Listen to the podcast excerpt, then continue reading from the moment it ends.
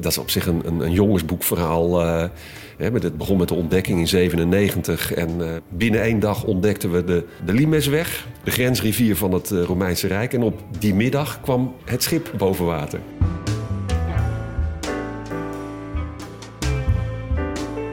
Onze filosofie is, archeologie is niet van ons. Het is van de Utrechter, het is van de mensen. Castellum Hoge Woerd is eigenlijk ook ons geschenk terug aan de gemeenschap van Leidse Rijn. Het, daar hoort het thuis. Dus we hebben de archeologie willen terugplanten in die nieuwe woonwijk.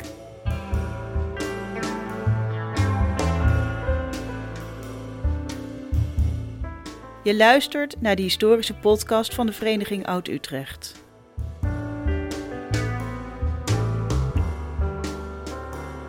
Arjan den Boer spreekt met Utrechtse historici over de geschiedenis van de stad en hun fascinatie daarvoor.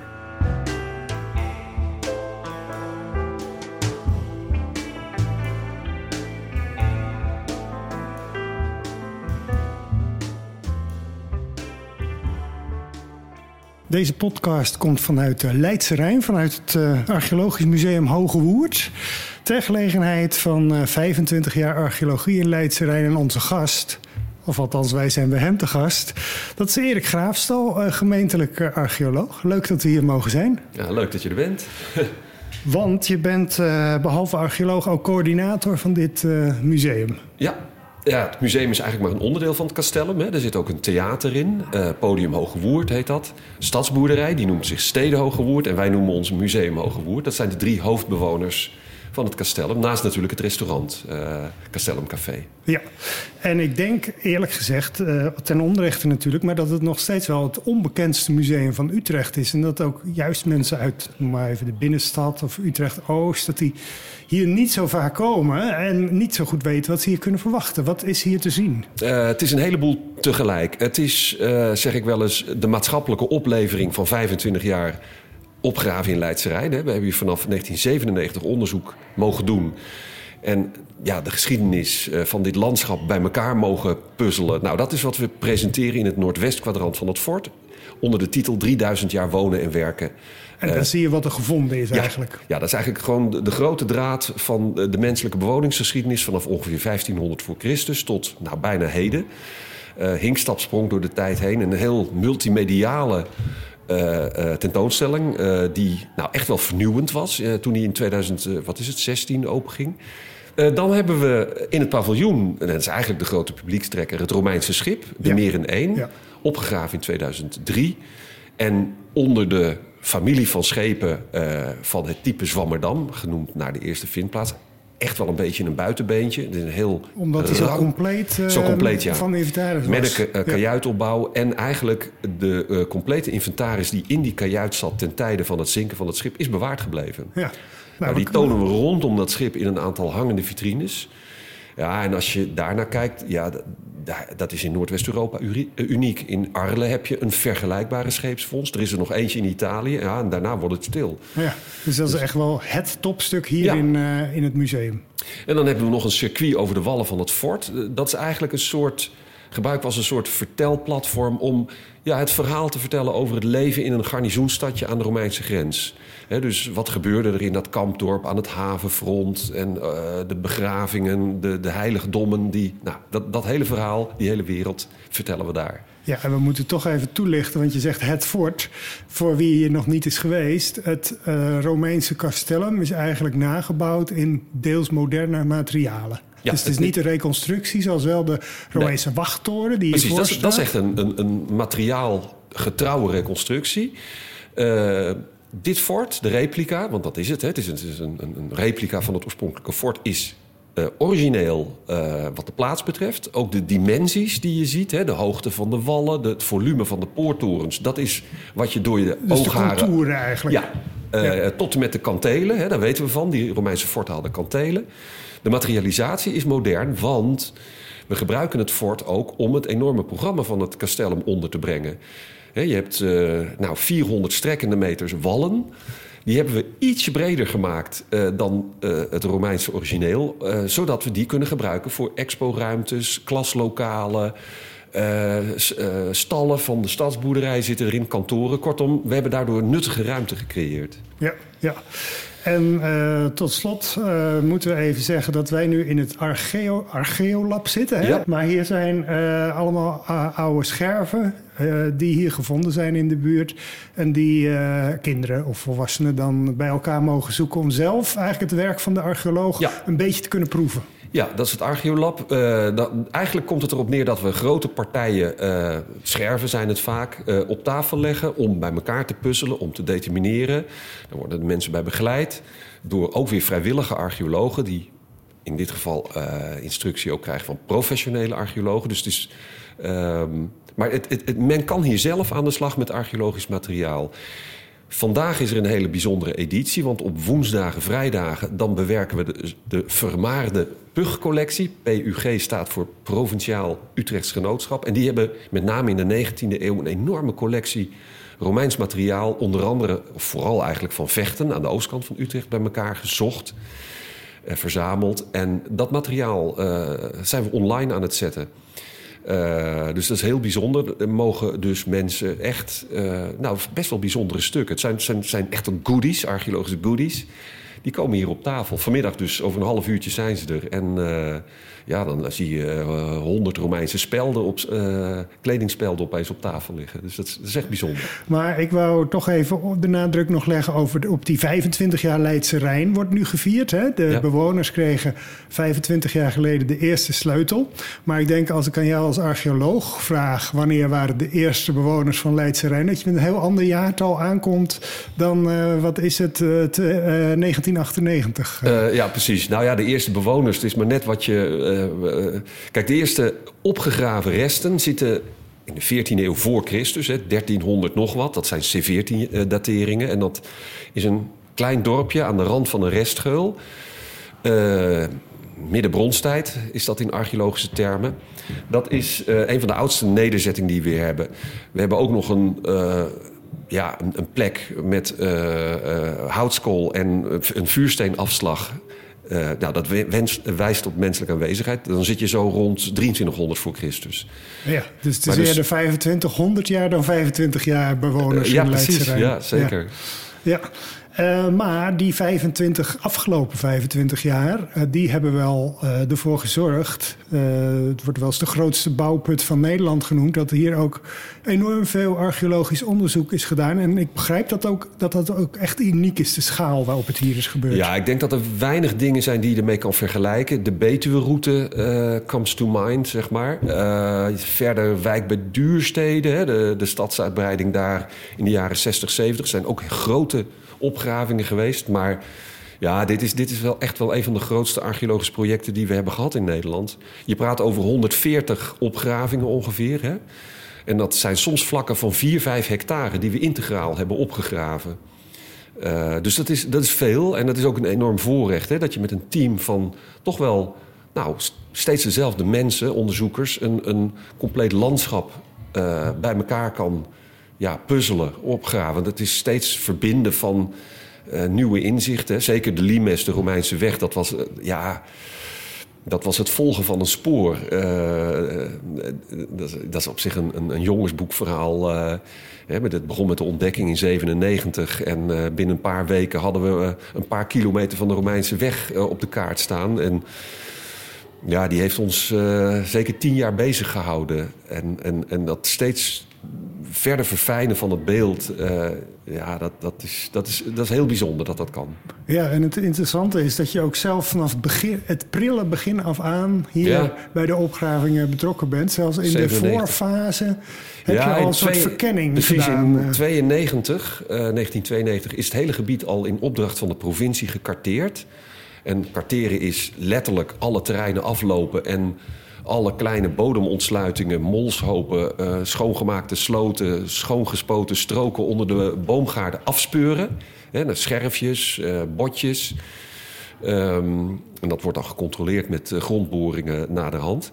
Ja, dat, dat heb ik voor heel Leidse Rijn gedaan in 92, 93. Maar gaf dat nou ook al een soort voorspelling wat je dan in later jaren echt zou gaan vinden? grotendeels. Uh, dat heeft geresulteerd in een stuk of 40, 50 vindplaatsen... die ook allemaal aan de beurt zijn gekomen bij de ontwikkeling van Leidse Rijn. Hè. Met proefsleuven zijn die nader onderzocht. Maar het grappige is dat de limes die is ons helemaal door de vingers geglipt bij die kartering in 92. Dus dat was de grote verrassing? Ja, dat was de grote klapper in, in 97, september, uh, 9 september, ik zal het nooit vergeten, uh, 1997. Uh, het begon met een, uh, ja, een, eigenlijk een ingesproken bericht thuis op mijn uh, voicemail door een van onze vrijwilligers. Die had weer een bericht opgevangen van een bewoner ergens in Veldhuizen dat er achter in het land een gat was gegraven uh, door de partij die nou, net was begonnen met bouwrijp maken. En daar staken wat stukken hout uit. Ik moest daar eens gaan kijken. Nou ja, twee weken later hadden we daar een noodwaarneming. En binnen één dag ontdekten we de, de Limesweg, de grensrivier van het Romeinse Rijk. En op die middag kwam het schip boven water. Het Romeinse schip de meer ja, dat hier ligt. Ja. Alles op één dag. Dus dat was één groot, uh, ja, bijzondere sloeg, dag. de stoppen door, gewoon. Ja. En zeker, want ik heb begrepen dat je zelf hier ook als kind bent opgegroeid in Vleutende Meer. En dat je toen al in de boomgaarden zocht naar ja. Uh, ja, Romeinse vondsten en ja, Romeinse wij, munt hebt gevonden. Waar wij nu zitten te praten, daar heb ik op mijn knietjes uh, als jochie van, wat is het, 9, 10 onder de fruitbomen door uh, lopen kruipen. En, Letterlijk op deze plek? Ja, ja, op deze plek. Onder, waar wij nu zitten te praten, daar, daar heb ik rondgekropen. En dan verzamelde ik ja, stukken dakpan met stempels erop. En helemaal favoriet is uh, terra sigillata. Dat is de vakterm voor rood geglazuurd aardewerk... waar pottenbakkersstempels op staan en versieringen. Nou, dat was de hoofdprijs natuurlijk. Ja, dat is wat ik hier bij elkaar heb lopen Maar dat is, dat is onvoorstelbaar, want dat betekent dat je... Ik, ik zal je leeftijd in het midden laten... maar dat je bij wijze van spreken een halve eeuw hier al... Ja. Bij, letterlijk op je knieën ja. Romeinse spullen aan het zoeken bent op dezelfde plek. Ja. Nou, het wordt nog gekker. Uh, mijn eerste kennismaking met de archeologie is gebeurd op de Hoge Boert. Ik woonde 500 meter verderop. En ik fietste als jochie naar de school met den Bijbel in de Meren. En op een gegeven moment uh, was er langs mijn uh, vertrouwde fietsroute was er een groot gat in de grond en er waren mensen bezig. Ik had geen idee wat ze daar aan het doen waren. Ik durfde het ook niet, denk ik, zelf te vragen. Mijn moeder zal dat hebben gevraagd. Wat bent u hier aan het doen? Nou, het antwoord was: wij zijn uh, onderzoek aan het doen naar een Romeins fort. Nou, daar had ik nooit van gehoord. Dit fort? Ja, en dat was uh, professor Isings uit Utrecht. Uh, met uh, Cor Calais. Die waren in 1973 aan het graven. Dus ik stapte van mijn fiets op, af, hoorde dat verhaal. En ben toen dus meteen uh, begonnen met het verzamelen van scherven. Want zij zeiden, ja, als je hier in die boomgaarden gaat kijken... dan kan je allemaal uh, spulletjes van de Romeinen vinden. Maar de plek waar ik van mijn fiets ben gestapt... is de plek waar het Romeinse schip is komen te rusten... in het paviljoen van het Castellum. Dat is daar gebeurd. Het heeft zo moeten zijn. Ja. dat is wel een heel bijzonder verhaal. Maar dat heeft je dus ook, neem ik aan, aangezet... om zelf archeoloog te worden. En hoe is dat verder gegaan? Ja, nou, ik, uh, dat is een hele lange weg hoor. Uh, ik ben dus hier in Utrecht gaan studeren, provinciale Romeinse archeologie. Toen was hier trouwens net een opgraving gaande. ook dat nog eens. In 1982, 83 is op de plek van het Castellum een huis gebouwd. En het Archeologisch Instituut in Utrecht, dat toen nog bestond, met mevrouw Isings en Cor Calais, die hebben daar toen een opgraving uitgevoerd. Dus dat is hier, nou wat is het, 20 meter verderop. Maar goed, uh, toen, toen, had je al besloten om dus archeologie te gaan studeren. Nou, dat was toen nog niet een, een, een uh, hoe heet dat? Een, uh, daar kon je toen nog niet mee beginnen. dus dat was een, bovenbouwstudie. Een bovenbouwstudie. Dus, maar goed, via oude geschiedenis, provinciaal archeologie, ben ik dan, nou ja, met omwegen hier terechtgekomen. Eerst nog dus bij een bureau gewerkt dat karteringen doet. En in dat kader dus ook Leidse Rijn gekarteerd. En wat opgravingen in hoeken en gaten van Nederland. Maar toen kwam een vacature voor een projectarcheoloog in Vleuten de Meren. Ja, daar hoefde ik geen seconde over van na te denken. toen nog de gemeente Vleuten ja, ja, de Meren. Het westelijke deel van Leidse Rijn is uh, gerealiseerd... In, in, de eerste jaren althans door gemeente Vleuten de Meren. Toen nog zelfstandig. Die is in uh, 1 januari 2001 was de samenvoeging met Utrecht. Maar tot die tijd heb ik daar uh, als projectarcheoloog... Ja, de eerste klappen opgevangen van uh, de ontwikkelingen. Ja. ja, en toen ging je als het ware mee als ja. archeoloog naar de gemeente Utrecht bij de annexatie. Ja. Ja, ja Dus- en dat was ook. eh, we hadden inmiddels al heel nauwe banden, Herwinia en ik. Ja, dat Eh, is, dat werkte is de eigenlijk- andere, een van de andere Ja, ja. archeologen van de gemeente Utrecht die hier vaak werkt. Hè? Precies, ja. We hebben eigenlijk van begin af aan, eh, ja, als twee broertjes het gedaan. Wat een grappige anekdote is dat in het begin mocht ik helemaal niet met Utrecht samenwerken van Vleuten de Meren. Want zij hadden de Limesweg gevonden en eh, op de Hoge Woerd eh, hadden we hier een grafveld eh, ontdekt. En oh, de, de gemeente was er zo trots op. Die Ze wilden gaf- het voor zichzelf Ja, ja, die gaf een eigen brochure uit. En ik mocht niet, eh, want ik wilde graag een eh, archeologische nieuwsbrief Leidse Rijn samen met Herren gaan maken. Maar dat mocht dat absoluut niet. Nee, nee. Dus, maar die eh, samenwerking werd later ja, nee, afgedwongen, die- zullen we maar zeggen. Nou met, ja, met voor, de voor annexatie. 2001 eh, werkten we al heel nauw samen. En qua kennisdeling zijn we eigenlijk van begin af aan gelijk opgetrokken. Ja. Even voor het beeld. Eh, je werkt eh, bij de afdeling erfgoed van de gemeente Ja. Utrecht, zoals het nu hoort, als een van de archeologen. Eh, ja, waar moeten we dan aan denken? Hoeveel mensen zijn dat die als archeoloog voor Utrecht werken? Ja, dat zijn, laat ik zeggen, twee handjes vol. Dat is het bijna letterlijk. Het, we hebben vijf of zes archeologen die in de uitvoering zitten. Hè. We voeren als, archeoloog, als gemeente Utrecht ook zelf archeologisch onderzoek uit. En we hebben onze beleidsarcheologen. En die zorgen ervoor dat in nou ja, het, eh, eh, eh, dat de archeologie in planologische processen... die gaan over de vergunningen. Ja, en ja. de voorwaarden die daarin worden opgenomen voor goede zorg voor, voor het archeologisch En erfgoed. daarnaast wordt er vaak ook archeologisch onderzoek uitbesteed, toch? Een groot deel van het archeologisch onderzoek in Utrecht wordt door derden uitgevoerd, commerciële bureaus. Hè. Een ontwikkelaar is in principe vrij om eh, zijn eh, archeologische werk te laten uitvoeren door een marktpartij. Ja, want dat moeten we misschien even uitleggen.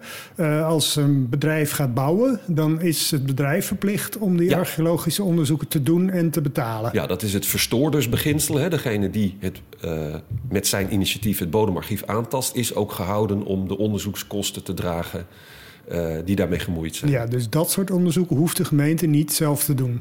Nee, dat, dat mag een, eh, een, een particulier mag dat door een commercieel bureau laten uitvoeren. De gemeente heeft voor zichzelf overigens afgesproken dat eh, we dat onderzoek, eh, als de gemeente opdrachtgever is, zelf uitvoeren. Leidse Rijn hebben we grotendeels dus vanuit de gemeente gedaan, maar daar zijn in de nou dat zijn toch wel echt enkele tientallen mensen. Ja. Het zijn ook jonge archeologen die carrière stappen maken en dan met tegenzin uiteindelijk toch wel dit gebied verlaten. Ehm, maar een vaste kern van een mannetje of 15, zou ik zeggen, heeft wel het leeuwendeel opgegraven van Leidse Rijn. Ja, Dus, eh, en dat is bijzonder. Eh, en dat is ook belangrijk, want eh, archeologie gaat over ja, eigenlijk parate kennis. Hè? Je, je ziet in het veld verschijnselen, herkent ze.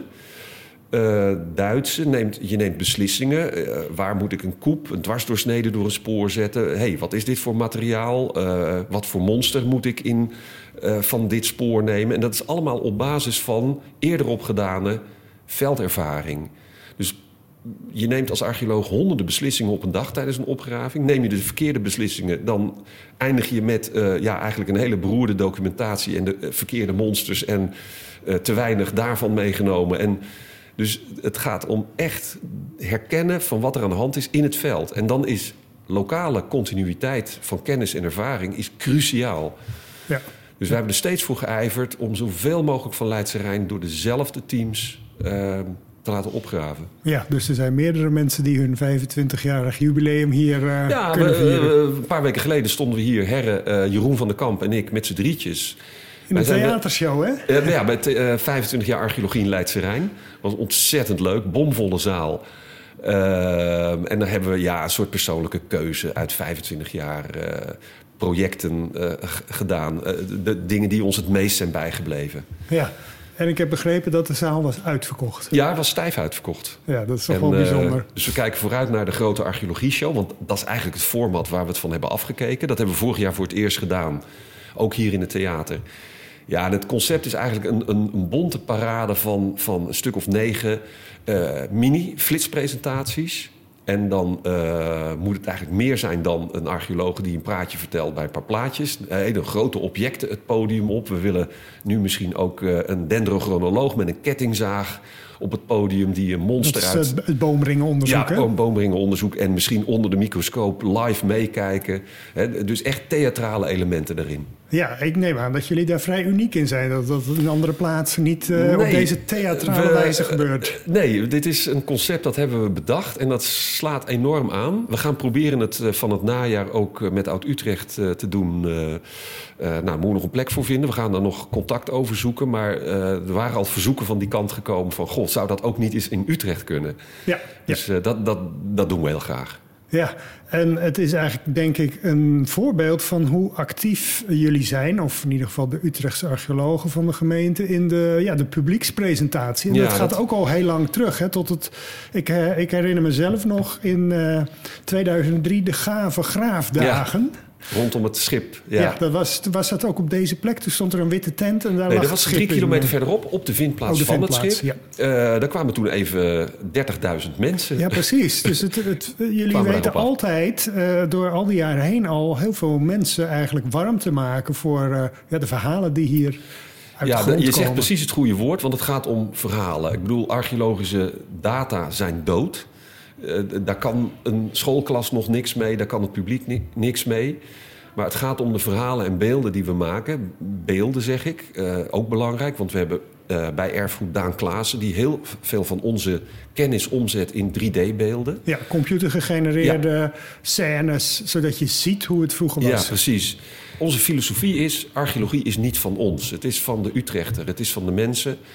Dus een, een archeologisch rapport ik kan nooit de eindbestemming van een project zijn. Daar moet iets op volgen eigenlijk. Het is, eh, eh, en wat ik zei, eh, het om Hoge Woerd is eigenlijk ook ons geschenk terug aan de gemeenschap van Leidse Rijn. Daar hoort het thuis. Dus we hebben de archeologie willen terugplanten in die nieuwe woonwijk. Maar er zijn nog meer manieren waarop dat gebeurd is. Want er zijn ook op diverse plekken eh, in de wijk, in het park bijvoorbeeld... eh, ja, eh, ik noem het maar even reconstructies... maar het is soms ook abstracter dan dat. Maar plekken waar, Ja. waar aan je herinnerd wordt aan bijvoorbeeld de Romeinen. Ja, rondom de Limes hebben we een aantal van dat soort ingrepen. We hebben de, een, een reeks wachttorens hebben we gevisualiseerd in de vorm van kort en stalen platen met lichtarmaturen erin die net even de footprint van een toren eh, suggereren. De Limesweg is als wandelpad functioneel gemaakt in flinke delen van, wat is het? Eh, de Beleien, Vleutenweide, Veldhuizen. Je ziet daar wel dat, dat archeologie iets toevoegt aan die plekken. Ik vind zelf, eh, een van mijn favorieten is de Baleien. Rondom ehm, eh, het gelijknamige restaurant daar heb je een, een, een ingepaste middeleeuwse boerderij. De Limesweg daaromheen. En dat is, ja, is echt een mooie groene zone in die, met veel betekenis geworden in die wijk. Ja, en het werkt ook in die zin dat volgens mij er relatief veel interesse is vanuit de bewoners van Leidse Rijn voor ja, wat er hier allemaal vroeger eh, gebeurd is en wat er Dat opgegraven is wel onze, onze ervaring. Eh, we hebben ook heel veel eh, contact met scholen. De scholen van Leidse Rijn. Dat is, ja, dat is Ja, we zijn hier nu op een woensdagmorgen en het Ja, hele loopt- loopt museum loopt een, vol schoolklassen. Ja, ja. Ja, zeker. Dat is ook, eh, dat beschouwen we ook echt als onze missie. Ik bedoel, de, de trots van de lokale bewoners, is een ding, maar ook erfgoededucatie. Dat is echt een van de pijlen van, eh, ja, daar, eh, een, van, een van onze doelen. Even een vraag tussendoor. Woon je eigenlijk zelf ook in Leidse Rijn? Op het randje van. Eh, ik zit helemaal in het meest oostelijke straatje zo'n beetje van Leidse Rijn. Dus ik sta met één been in de bestaande stad en met één been eh, in Leidse Rijn. En voel me een beetje allebei. Ja, En, maar in combinatie met dat je hier bent opgegroeid... en je eh, een groot deel van je werkzame leven hier hebt doorgebracht... ben je wel erg aan dit gebied eh, ja, ik ben er wel mee, mee verknocht, ja. Zeker. Ja, ja. Ehm, ik wil nog paar dingen vragen over de werkwijze van archeologen... voordat we misschien nog een paar eh, bijzondere vondsten en eh, onderzoeksresultaten Mhm. doornemen. Want eh, enerzijds zijn er natuurlijk altijd rond archeologie hele spannende verhalen... van schatgraven en er worden gouden munten naar boven gehaald... of een heel bijzonder schip... Maar anderzijds zie je ook vaak foto's van een opgraving. Er zijn alleen wat donkere sporen in het zand. Dat zijn eigenlijk de twee gezichten bij mij dan van, eh, van de archeologie. En voor het publiek zijn natuurlijk die spectaculaire dingen het belangrijkst. Maar ik kan me voorstellen dat het voor de archeologen misschien wel andersom is. Omdat die sporen meer het grote verhaal eh, vertellen. Als je weet waar je op moet letten. Ja, nou sowieso is die andere werkelijkheid die je net schetste... dat is 98% van de tijd, hè. En dan is het vaak ook nog druilerig weer. En Ja. als je dan in november in een kletsnatte put staat en alles zit onder de modder, dan is het even wat minder leuk. Dat is vooral ook een realiteit van de archeologie. En ja, vaak zijn het vlekken in de grond en daar tekent dan uh, de archeoloog met zijn geoefende oog een, een, kraslijn omheen. En dat geldt dan vanaf dat moment als een paalspoor. Maar het is, uh, het, het, het, is de optelsom van al die dingen die je waarneemt, die leiden tot een complete boerderijplattegrond met daterende elementen. Want in die paalkuilen vind je 12e eeuwse scherven. En zo bouw je als archeoloog uh, het verhaal van je opgraving op. Uh, en ja, vaak is het het combineren met opgraving in de omgeving, die, die dan pas, uh, wat dan pas leidt tot een echt ja, overstijgend verhaal. Dus het is, het is echt stapelen van op zich heel saaie dingetjes. Want ja, dat ene paalgat, daar wordt niemand op zich opgewonden van. Nee, nee. Zelfs jullie archeologen niet. Uh, nou ja, ook weer wel. Want dan ben je aan het graven in een vroegmiddeleeuwse nederzetting... en dan kom je opeens paalgaten tegen die anderhalve meter diep gaan... en dan blijkt je te maken hebben met een heel bijzonder uh, type opslagstructuur... die uh, ja, op palen boven de grond hebben gestaan. En, nou, fijn. Dus het heeft, uh, ik bedoel, archeologen kunnen opgewonden raken... ook van hele suffe vlekken in de grond. Ja, en volgens mij hebben archeologen ook een fetish voor afval. Want daar kan je heel veel informatie uit halen. Oude beerputten, et cetera. Ja, vuilnis, daar leeft een archeoloog van. Wat een van onze favoriete contexten ook... dat zijn rivierbeddingen. Daar donderden mensen vroeger gewoon hun vuil ook in. Afval werd daar ingekieperd. Uh, we zitten hier zowat in het havenfront van het Castellum. Als je, als je 20 meter uh, die kant op gaat, dan sta je in de afvaldumps uh, uit de Romeinse tijd. Die gewoon hier in het havenfront in de rivier werden gekieperd. Um, en wat, aan wat voor objecten moet ik dan ja? Nou ja, we, uit vechten kennen we uit de jaren 70 um, grote partijen materiaal die in zo'n soort context zijn gevonden. Ja, dan praat je over schoenen. Uh, schrijftafeltjes, uh, ook gewoon botten. Er zitten trouwens incidenteel ook stukken tussen die zo compleet en tegelijk prestigieus zijn dat we denken aan wa wapenoffers. En dat, dat deden de, deed men ook, niet alleen de Romeinen trouwens. dus het offeren van, van dingen in water lopen. Dus een, vanaf de Omdat bronstijd. er bijvoorbeeld een zwaard in het water ja. wordt gegooid... en dat is niet logisch dat dat als afval bedoeld zou zijn. Nee, het is een, uh, iets wat we kennen eigenlijk uit alle castellumfronten, zeg maar, havenfronten van Castella. Daar kennen we voorbeelden van complete wapenstukken die daar ja, waarschijnlijk opzettelijk zijn gedeponeerd. Je, via het wateroppervlak draag je een object eigenlijk over aan andere machten. Hè? Ik heb wel eens iemand horen zeggen, of ik, misschien heb ik het gelezen, van als archeologen niet weten waarom iets is, dan noemen ze het altijd een ritueel. Ja, dat is een, inderdaad een beetje, uh, ja, dat is een beetje een flauwe grap. Uh, je moet er terughoudend uh, in zijn. Tegelijkertijd was ook ritueel zo verknoopt met het dagelijks leven.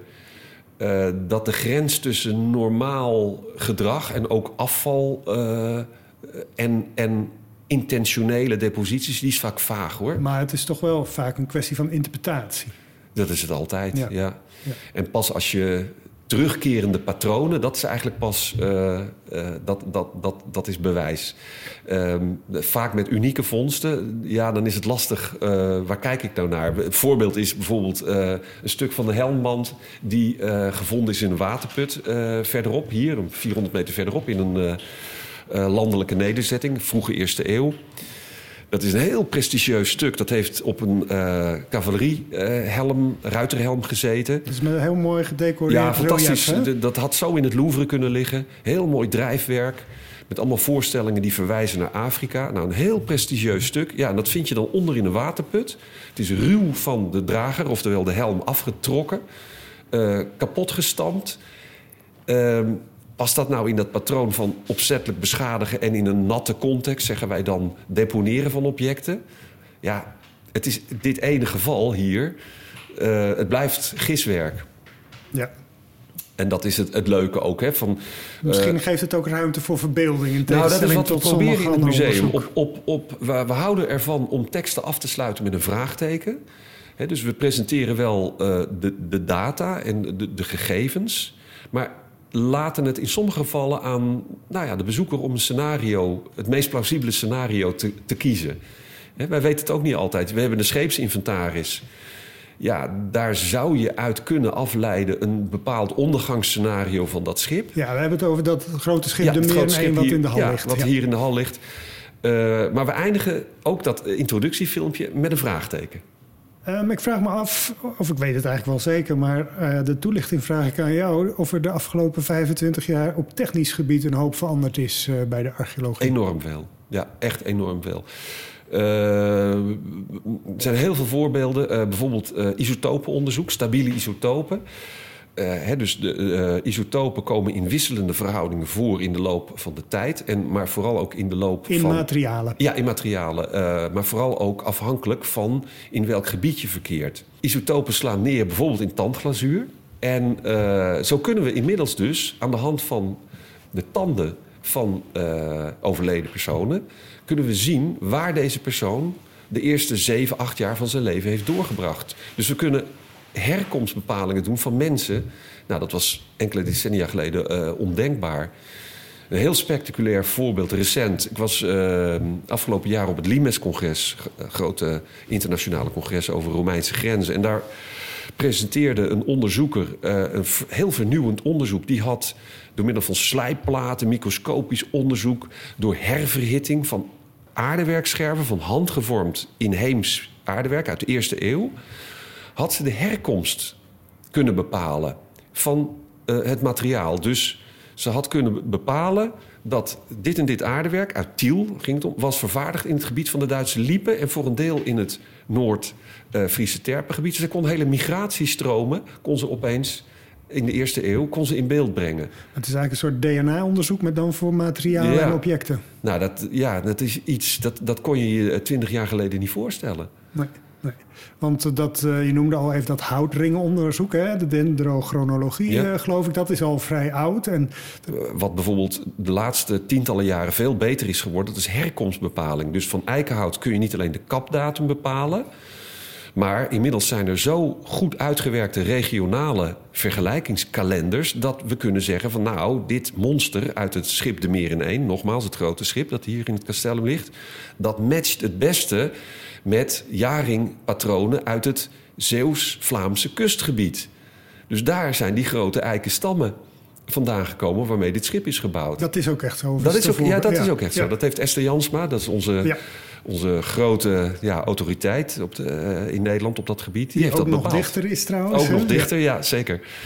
Um, dus ja, dat, dat had je ook uh, enkele decennia geleden niet, niet kunnen dromen. Dus uh, je kan eigenlijk een veel preciezer en rijker ja. beeld. Uh, maar ook bij de opgravingen zelf, dat je veel nauwkeurig kunt meten, digitaliseren van. Nou ja, de hele veldregistratie is, is geautomatiseerd. Hè. Vroeger liepen we met meetlinten en tekentafels en dan eentje stond bij de aangekraste sporen maatjes te geven.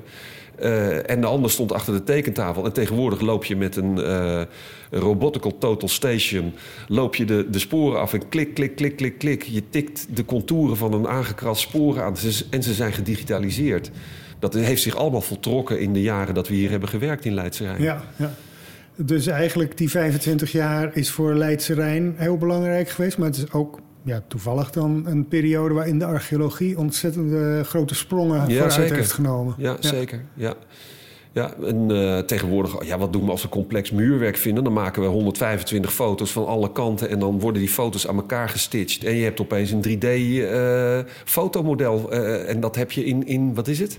In, nou, in no time bij elkaar. Terwijl je dat vroeger uh, stond je daar dagen op te tekenen. Ja. Gaat het er nou nog naartoe dat je niet eens meer hoeft te graven, maar dat je bij wijze van spreken de bodem kunt scannen en alles uh, zien wat er ligt? Was dat maar waar? Dat, uh, dat nog niet. Je hebt echt opgraving nodig om, om nou, het bodemarchief te kunnen afpellen en, en interpreteren. Um, maar het is wel een van de redenen waarom wij terughoudend zijn met opgraven. Want opgraven blijft uiteindelijk vernielen. Hè. Je graaft door aardlagen heen, de contexten worden verstoord. Je eindigt met een zak scherven en uh, tekeningen en foto's en that's it. Maar het bodemarchief op die plek is dan verstoord. Terwijl je zou hopen dat er... Uh, nou ja, scanapparatuur komt waarmee je misschien wel fosfaatwaarden in sporen uh, uh, over een tijdje kan zien. Ik bedoel, nu al hebben we XRF, dus in, met de hand eh, vastgehouden uh, röntgenapparaatjes... waarmee we de hele ehm, ehm, samenstelling van uh, materialen, metalen ook kunnen onderzoeken. Dat is hier trouwens in het Archeolab onlangs gebeurd. Hebben we de, dus de samenstelling van Romeinse spelden lopen meten. Nou, zoveel koper, zoveel... Nou, alle, alle sporenelementen. Ja, was ook ondenkbaar enkele decennia geleden. Je noemde het net zelf al even, maar wat voor buitenstaanders soms moeilijk is te begrijpen, dat archeologen eigenlijk idealiter uh, iets laten liggen en niet opgraven, veilig onder de grond laten zitten. Terwijl je als leek denkt, nee, je wil het toch juist uh, naar boven halen. Omdat we weten dat we dus waarschijnlijk heel veel verstoren waar we niet de informatie uithalen, laten we in beginsel het liefst in de bodem zitten. Dat is de beste bewaarplaats. Toekomstige generaties hebben veel betere onderzoekstechnieken en hebben ook het recht om hun vragen te stellen. Uh, aan het bodemarchief. En ja, we hebben in Nederland een beperkte op, opgraafcapaciteit. En er wordt al zoveel verstoord. Dus ja, dan is het idee toch... concentreer je nou op dat wat voor nieuwe ontwikkelingen plaats moet maken. En ja, laat dus waar zitten wat kan blijven wordt, waar het toch al vernield wordt, Ja. daar ga je graven. En niet op plekken waar, waar niet gebouwd wordt, want dan kan je het beter laten zitten. Precies, we hebben, we hebben nog nooit in Utrecht een opgraving uitgevoerd... omdat we graag op een bepaalde plek wilden gaan graven. Want eh, Ook niet als je bepaalde aanwijzingen hebt van daar moet... Nee, het is eigenlijk altijd door een ontwikkeling gestuurd. Als, als er een, een eh, nieuwe weg of eh, nou, woningbouw, noem maar op... dan, da- dan pas wordt er opgegraven. Ehm, ik heb ook, omdat ik een stukje uit die leuke theaterpresentatie eh, eh, keek, begrepen dat er eigenlijk vier hoofdperiodes zijn te onderscheiden waar de vondsten zijn gedaan in Leidse Rijn. De tweede daarvan, de Romeinse tijd, die is heel bekend vanwege de limes. Maar eh, ja, laten we die vier even op een rijtje zetten. Het begint, neem ik aan, met de prehistorie. Prehistorie, daar hebben we een aantal losse plekken van opgegraven.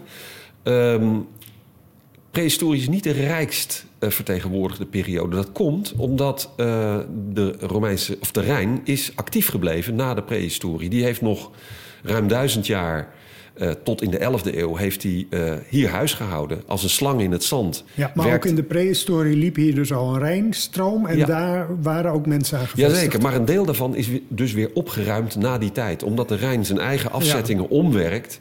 Ja, als een slang in het Opgeruimd zand. in de zin van door de rivier Ja. eh, weggevoerd. Verspoeld, verspoeld. ja. Ja. Dus de, de prehistorische resten die, zit, die zijn eigenlijk bewaard aan de randen van de stroomgordel... waar niet meer later de Rijn overheen is gedenderd. Uit, uit de prehistorie zijn er dus eh bronstijd eh, vondsten Ja. gedaan. En IJzertijd, bij Haarzicht eh, vroege IJzertijd... eh Vleuterweide hebben we een vindplaats, een aantal boerderijen... zwervende erven noemen we dat... omdat die in de loop van de tijd net even iets van plek veranderen. Dat is, dan zit je in de derde, tweede, eerste eeuw voor Christus... Ehm, maar dat zijn losse, lo- eh, losse nederzettingen. We hebben niet complete landschappen die we voor die tijd kunnen reconstrueren. Omdat de Rijn gewoon heel veel heeft opgeruimd. en er die is ook een grote verzameling dierenbotten, waaronder een berenkaak gevonden uit die tijd. Ja, dat is een paar honderd meter hier verderop. Dat is een eh, kleine nederzetting uit de bronstijd. 1400 voor Christus ongeveer. En daar, het, eh, wat daar de eye-catcher is, dat is een hele grote partij eh, botten... maar vooral eh gewei-elementen van edelherten... die in moten zijn gehakt en die zijn daar aan de rand van een restgeul... Ja, hebben die onder water gelegen. We denken dat dat is gebeurd om het materiaal voor te weken... Want eh, geweimateriaal laat zich makkelijker bewerken als het vochtig is. Dus waarschijnlijk zijn dat partijen eh, ja, grondstof die niet meer zijn opgehaald. Ja, maar zo'n berenkaak, hoe komt die daar dan tussen? Ja, die kan zijn gejaagd. Dat is een, een, een, een kaakelement van een beer die daar los tussen ligt. Eh, trouwens, ook een eland eh, was er vertegenwoordigd. Eh, en niet te vergeten natuurlijk de, de boerderijdieren die men had. Hè? Dus, dus, dus runderen, varkens, schapen, geiten. Die waren allemaal vertegenwoordigd daar in dat faunacomplex. Maar het meest opvallend dus die gewijsstangen. Dat was echt een vrij kostbare voorraad werkmateriaal om ja, gereedschappen van te maken. En priemen en beitels en bijlen. Dat kon je Ja. daarvan maken. Maar goed, ook eh, is het gewoon leuk om te weten dat hier bruine beren rondliepen. eh, wat Ja, is toch? het, eh, 3000 jaar geleden Ja. ongeveer. Ja. Ja, en edelherten, maar goed.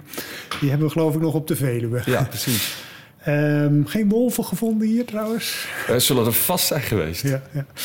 Ehm, nou ja, de tweede grote periode hebben we het natuurlijk al veel over gehad. Dat is die, die Romeinse tijd. Ehm, Daarbij is het toch misschien nog wel eens even goed om aan jou als specialist, hè, dat noemde je net zelf ook al, te vragen wat de limes, wat daar nou precies onder verstaan wordt. Want grofweg gezegd uh, wordt het altijd uitgelegd als de Romeinse noordgrens, maar het is wel iets diffuser dan dat, uh, geloof ik.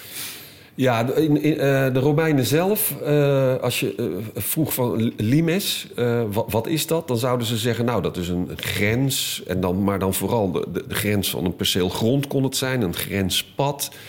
Later ehm, zijn we de term limes gaan gebruiken voor het complete stelsel van militaire inrichtingselementen langs de rand van de Romeinse wereld. En dat is dus eigenlijk altijd een keten van forten, vaak nou, zes tot acht kilometer uit elkaar, wachttorens daartussen.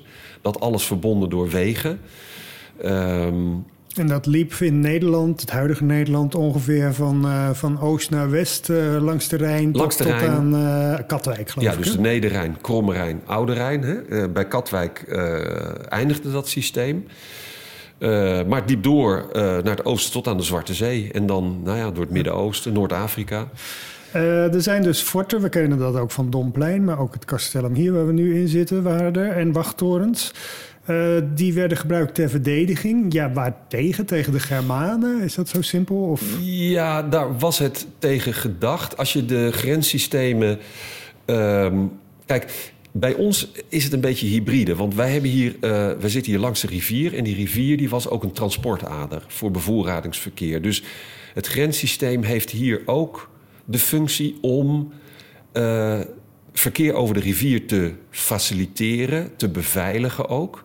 Dat, dat havenfront hier, dat is een bewaakte haven. Maar het was ook een geschutsplatform waarmee je de hele rivier kon bestrijken. Dus er zitten hier elementen uh, andere elementen in. Maar als je kijkt bijvoorbeeld naar uh, Noord-Engeland, waar je de muur van Hadrianus hebt, of Zuid-Duitsland, de limes tussen Rijn en Donau. Als je daar gaat analyseren hoe het systeem is opgebouwd, dan kijk je eigenlijk naar een interceptiesysteem. Dus een, een, een, een systeem dat kleine uh, roofovervallen vanuit Germaans gebied moest kunnen opvangen. En, en, dus dat is niet tegen grote legers bedoeld, nee. maar tegen criminaliteit bijna? Uh, ietsje meer dan dat. Uh, bendes uh, van nou, misschien een paar handjes vol, enkele tientallen raiders. Hè, dus roofraids, rooftochten. Dat is, dat is een reëel ding door de hele Romeinse tijd heen. Je ziet ook op het moment dat, om welke reden dan ook, er troepen worden weggemarcheerd van de Nederrijn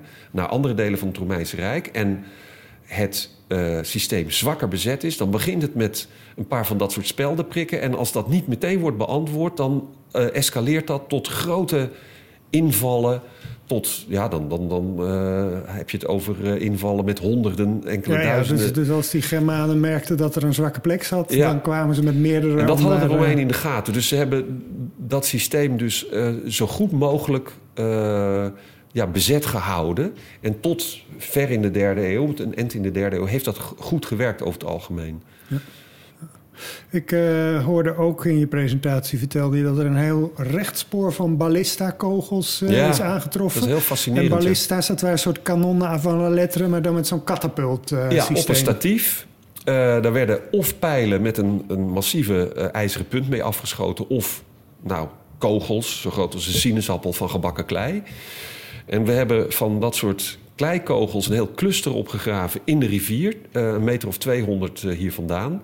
En toen al viel ons op dat dat een, echt een lijnvormige uh, strooiing had. Een meter, een meter, of 60 lang was dat spoor. En wij verzamelen vondsten natuurlijk nou, liefst als puntlocaties. Hè, dus dan meten we ze precies in. Of in vakken.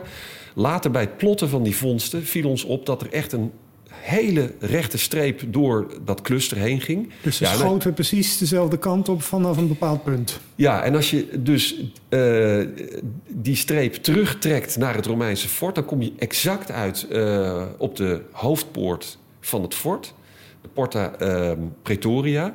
En we weten uit Romeinse militaire handboeken... dat daar ook geschut opgesteld diende te staan. Maar in dit geval hebben we dus een, een, een scatter, een cluster van uh, munitie... Uh, die ook precies in die richting wijst. Ja. En dat is in de Romeinse wereld, voor zover ik weet, uniek. Maar waar schoten ze dan op? Ja, uh, ook daar hebben we weer zo'n geval van uh, zeg het maar. Dan mag ieder het zijne bij bedenken. Misschien heeft er wel een, een, een, bootje in de rivier gelegen waar ze op hebben lopen oefenen. Want inderdaad, wat je zegt, het, het lijkt erop alsof dat uh, stuk geschut in één richting heeft staan knallen een tijdje. Want je praat over 60 of 70 kogels. Dus, um... Er zijn heel wat munitie aan verspild. Ja. ja. Um, er is ontzettend veel opgegraven, daar hebben we het aan het begin ook al over gehad, uit de Romeinse tijd. Uh, bruggen, beschoeiingen, nou, de Limesweg, uh, ja. schepen. Um, heeft dat nou uh, belangrijke nieuwe inzichten over die Limes-infrastructuur opgeleverd?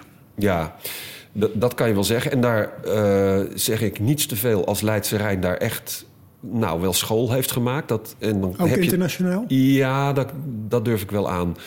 Uh, dat inzicht waar ik het net over had, hè, dat die Limes hier vooral is begonnen als een soort transportbegeleidend systeem. Uh, dat is een heel, heel bijzonder inzicht. En dat geldt trouwens voor de hele Limes in West-Nederland. Daar valt op dat eigenlijk de militaire infrastructuur helemaal gericht lijkt op het. Uh, in de greep houden van de waterinfrastructuur. Dat was de slagader van het systeem. Ja, en als je dan kijkt naar de uh, datering van die forten... inmiddels weten we dat een aantal forten rond 40, 41 na Christus... Uh, zijn gebouwd, ook het Castellum van de Meren. Ja, en dan zit je twee jaar voor de verovering van uh, Engeland... de provincie Britannia, 43 na Christus. Dus het waren misschien troepentransporten over ja, de Rijn men heeft richting Engeland? Waarschijnlijk de hele logistiek van die operatie zorgvuldig voorbereid en willen zorgen dat de aanvoerlijnen uh, naar Zuidoost-Engeland goed bewaakt werden. En dat hele systeem is daar heel erg op gericht. En nou, dat is een heel vernieuwend inzicht geweest. Uh, blijkt dan dat de landinfrastructuur van de Limes hier veel later op gang komt. De Limesweg, uh, de A1 van Romeins-Nederland, die wordt eigenlijk pas rond nou, 85 na Christus aangelegd. Dus, dus 40, 50 jaar nadat de Romeinen hier uh, zich nestelen. En dat is weer heel interessant, want dat is eigenlijk ook het begin van de periodes, hè, 90 tot 125 na Christus, dat je in Noordwest-Europa in het algemeen de Limes-systemen tot ontwikkeling ziet komen. Um, dus over de, zeg maar de, de functie en de ontwikkeling van Romeinse grenzen in Noordwest-Europa heeft, ja, daar heeft Leidse echt wel een paar hele grote nieuwe verhalen gebracht. We hebben de vroegste wachttorens trouwens ook hè, van Noordwest-Europa heel bijzonder. We hebben er uh, dus een aantal uh, opgegraven die mogelijk al uit de jaren 40 na Christus dateren. En ook weer te maken hebben met dat uh, bewaken van de rivier. Die stonden in rivierbochten opgesteld. Op al die wachttorens blijkt, heeft ook Romeins geschut gestaan.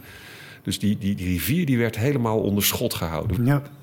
Um, is er nou ook nog een lacune dat je denkt, dat weten we nou nog steeds niet hoe dat zat met de Limes? Ook die 25 jaar hier hebben dat niet opgeleverd. Iets, iets raadselachtigs. Of is het steeds beter ingevuld? Dat is een goede. Een lacune is uh, bijvoorbeeld, maar ja, dat is een detail van wanneer houdt dat nou op? Hoe, hoe ziet die derde eeuw er nou uit? Dat is nog steeds een beetje schimmig. Zakt het rond 230 al in elkaar? Of is dat 270, 300 wordt wel eens genoemd. We weten over het staartje van de Romeinse aanwezigheid eigenlijk nog niet zo heel veel. En daar zijn ook weinig vondsten uit die tijd, begrijp uh, Die zijn er wel, maar die, die, dat zijn dus in de stratigrafie... dus de opeenstapeling van lagen, zijn dat de jongste lagen... dus de hoogste, dus ook op de Hoge Woerd... zijn die lagen verploegd. Um, en dat geldt voor heel veel terreinen in Nederland. De derde eeuw, dat is echt nog een beetje een, een zorgenkindje. Ja. Nou ja, we komen er wel. We hebben mooi gelijk wel een brugje naar de volgende periode. Hè? De vroege middeleeuwen. Ja, dat gaat ergens gaat dat daarin over.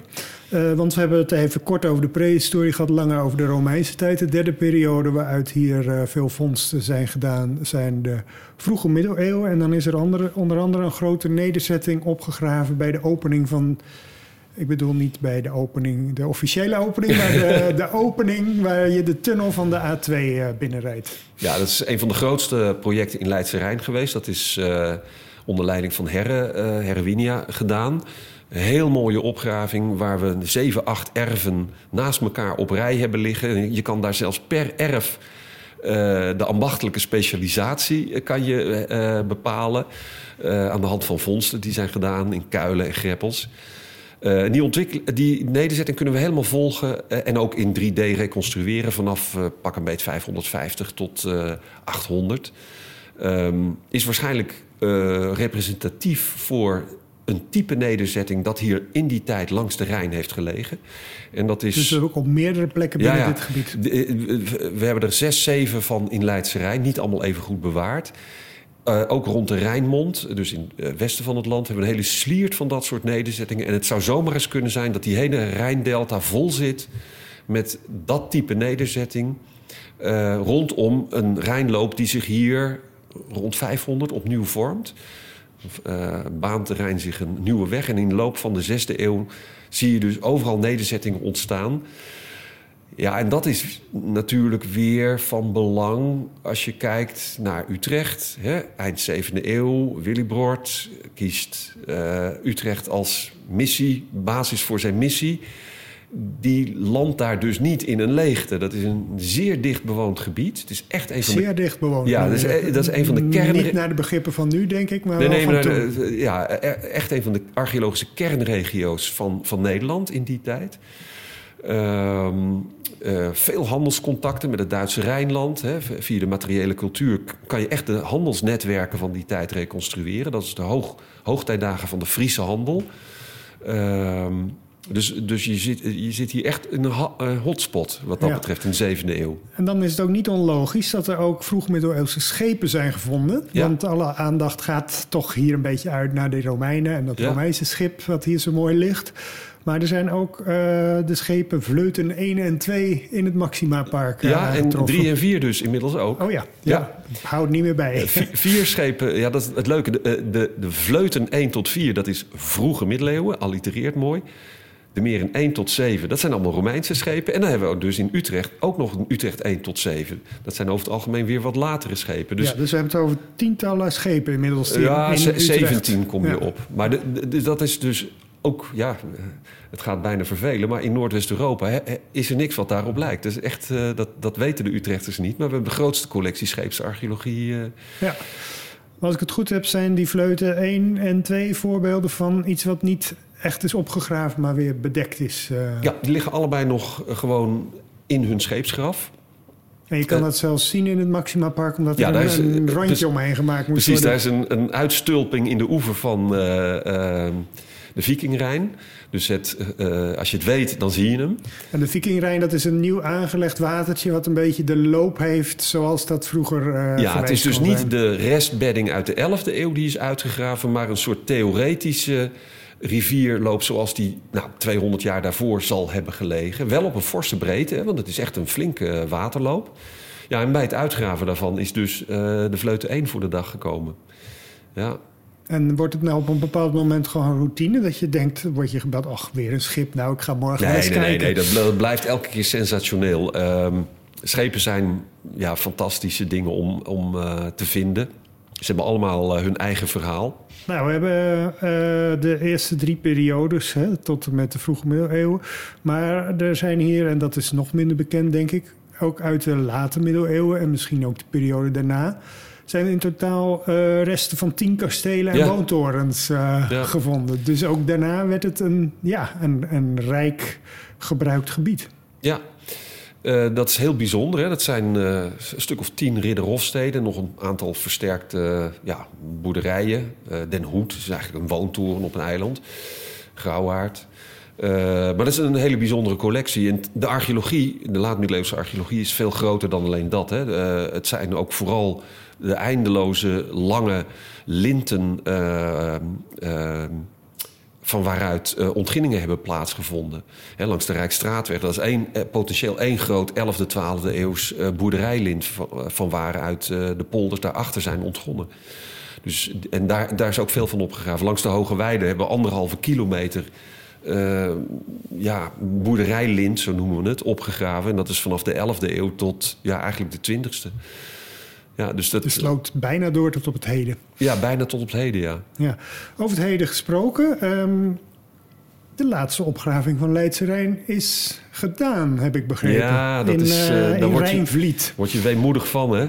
Dat was een eendenkooi uit de 17e eeuw. Dat is voor het eerst in Nederland dat een eendenkooi compleet is opgegraven. En, eh, maar dat is, dat is inderdaad de allerlaatste geweest. En dat was precies 25 jaar na dato. Ja. ja.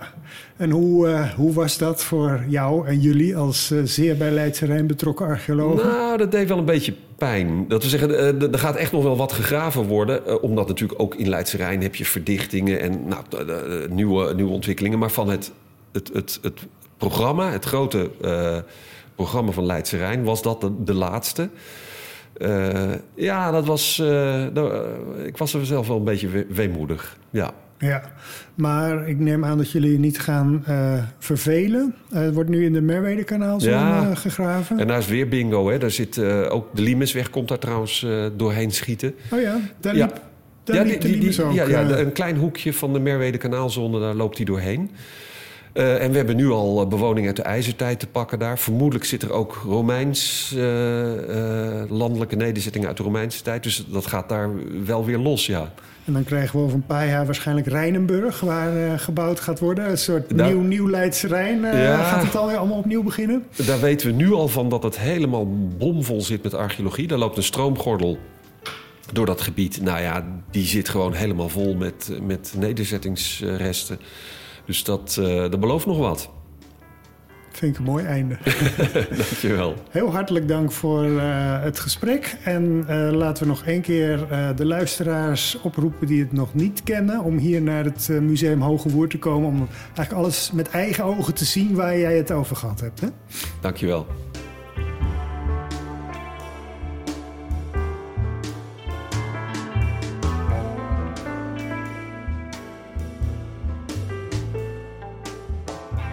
Je hebt geluisterd naar de historische podcast van de Vereniging Oud-Utrecht. Samenstelling Arjan den Boer. Wil je deze podcast blijven volgen? Abonneer je dan via de gebruikelijke platforms of via www.oud-utrecht.nl.